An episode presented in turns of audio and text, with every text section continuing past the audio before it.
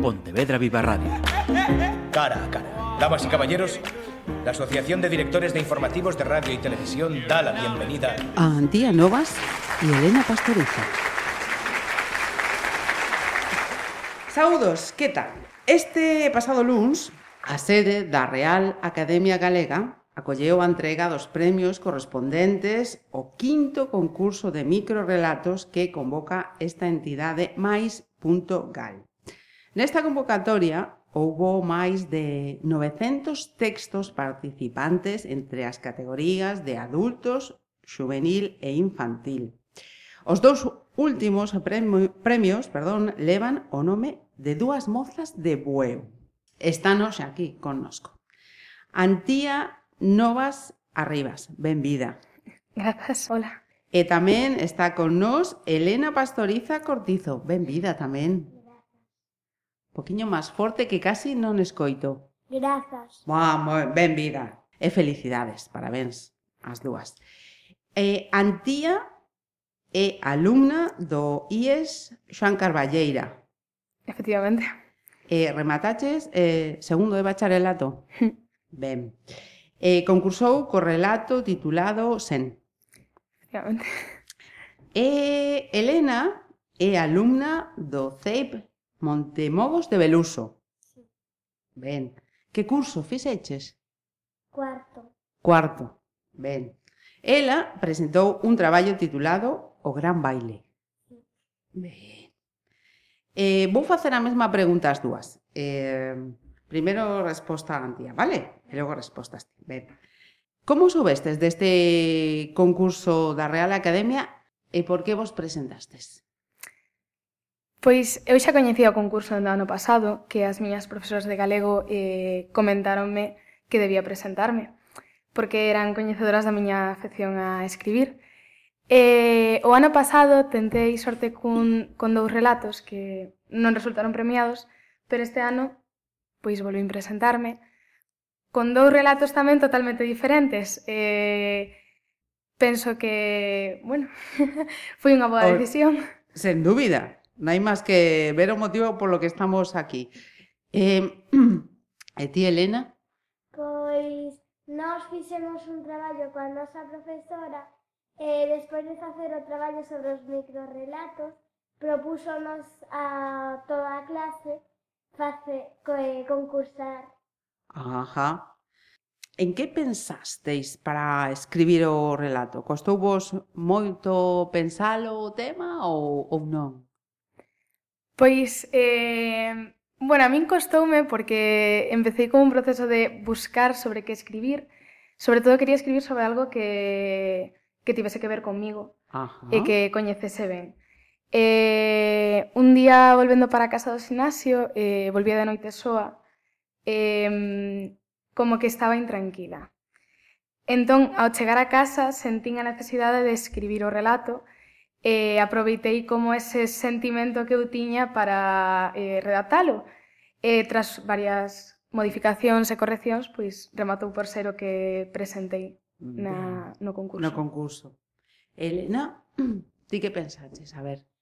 Pois nós na biblioteca temos un libro e fixen un microrelato, pero non me convenceu de todo, pero o leven pa, o leven pa casa E ocorreuseme outra idea e foi a que presentei. E imos crear un pouco de misterio porque o, o relato de Elena ten, ten a súa cousa. Logo, logo escoitamos a máis. Em, quen foi a primeira persoa a que lle deste o relato para ler? Pois, se mal non recordo, foi o meu profesor de Física e Química Física non, e química. Non ten nada que ver coa literatura, sí. Pero mm, ás veces cando escribo e me presento a este tipo de concursos, ele é o meu lector cero, como eu digo. Ajá. Eh, gustalle moitísimo ler o que eu escribo, tamén é aficionado deste tipo de cousas. Eh, sempre teño unha boa resposta pola súa parte e axúdame un pouco a confiar no relato e presentarlle a máis persoas. Pero Mira, foi primeiro el o o que llevo todo o primeiro vistazo. Uh -huh.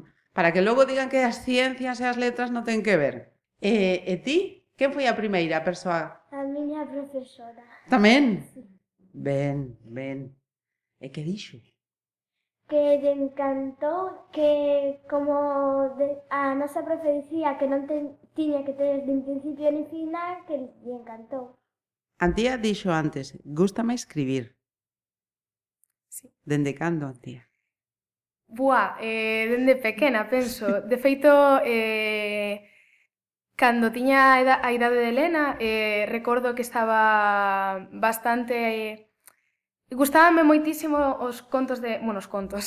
As novelas de Manel Loureiro de, Ajá, de ciencia ficción. Sí. Recordo escribir a miña propia novela gráfica feita por min nuns papeliños. E, e foi, penso que foi a primeira cousa que escribí na miña vida, e dende aquela, pois, fun escribindo pouquiño a pouco ata chegar a hoxe, que cando podo. Uh -huh.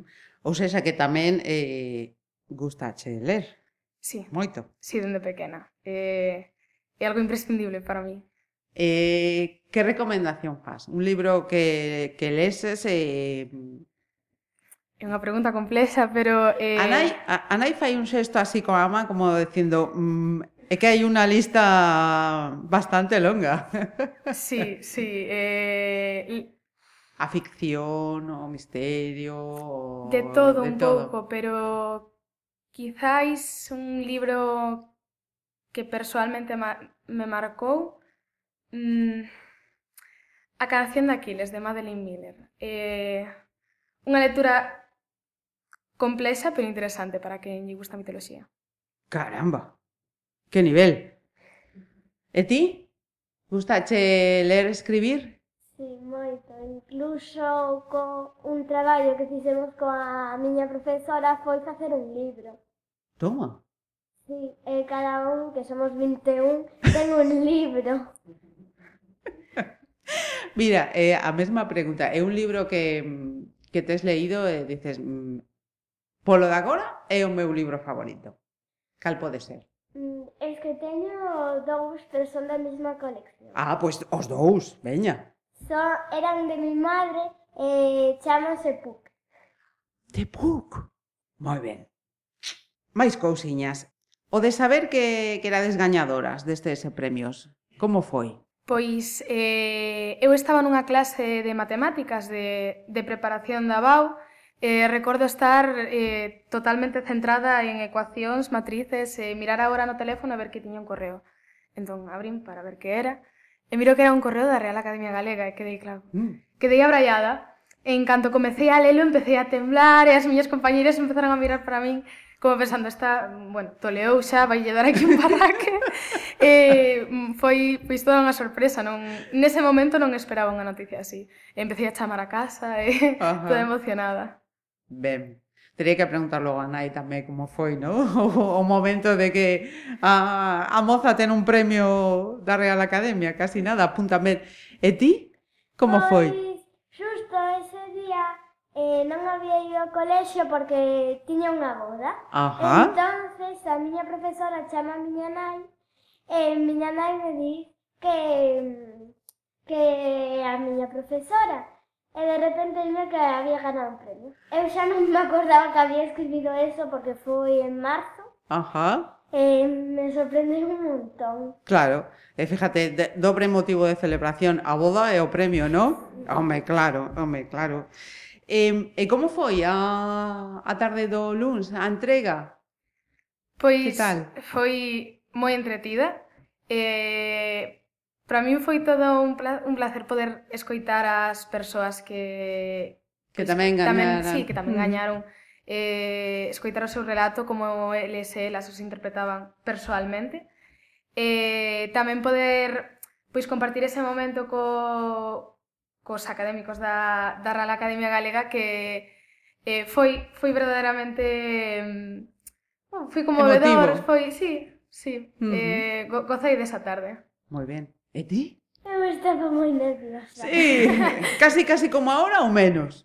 Más. máis, moito máis. Claro, hoxe xa eh, é moito máis sinxelo, non? Xa estás acostumada a falar en público, a ler o teu relato, non? Non. Non, xa verás que sí, que é moi sinxelo. A máis, o estás a facer fenomenal, fenomenal. Em, outra cousiña que tiña mm, pensado preguntar, despois deste resultado, eh, tedes pensado seguir escribindo relatos? Eu sí. Eu sí. Aí, aquí, imaginación da bondo, ¿no? Seguro. E, e ti tamén, eh, o teño seguro, vamos, non me queda dúbida Sempre alguna. que poda. Vou pedirvos que, que nos leades eses eh, relatos gañadores, para que a xente saiba o fenomenalmente ben que, que escribides.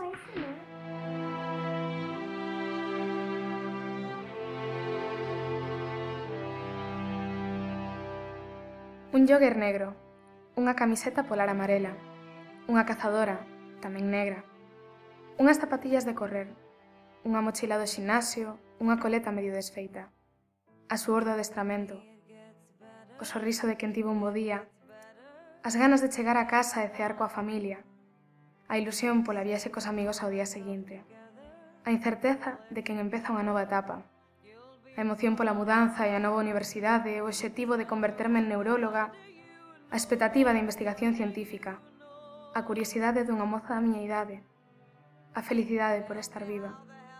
Todo iso levaba posto, ata aquel moquitud. Non queres repetir aquela noite, non? no. no, no, no. Mira, neuróloga. Sí, bueno, era a vida que tiña nese momento. Eh, agora redirixín un pouco, pero segue estando dentro do campo. O, o meu... Hace onde? Biomedicina. Toma. Veña, cando ti queiras. O gran baile. Comenzaron a bailar e todos os planetas mirados asombrados uns aos outros. Entón, fixeron unha pirueta. Eu mm, estaba 16 palabras, 16 palabras. Como fixo esta muller para escribir un texto con 16 palabras? Nosa profe dixonos que non tiña que tener nin principio nin final. Es que está genial, non me extraña que teñas o primeiro premio. E a máis outra cousiña, díxome un paxariño. Bueno, ou mellor, unha pasariña. Que o luns, cando remataches de, de ler o teu relato, as persoas que estaban ali choraron de emoción. Mi nai decía que era por... A miña nai dicía que era por o calor. Polo calor. Eu penso que había outras cosas eh, máis máis elevadas que o calor e que ten relación con este gran baile que acaba de, de leernos Elena. Eh, pois eu teño que daros a, a Nora Boa, unha vez máis, por estes premios, que leáis moito, que sigáis escribindo e que paséis un bo verán, que é fundamental despois de traballar tanto o curso, a disfrutar do verán, vale? Muchas grazas. E eh, agardo chamarvos outra vez para que eh, compartáis os vosos relatos, sí? Elena mira como diciendo, ti espera, que verás. Moitas grazas as dúas. A ti.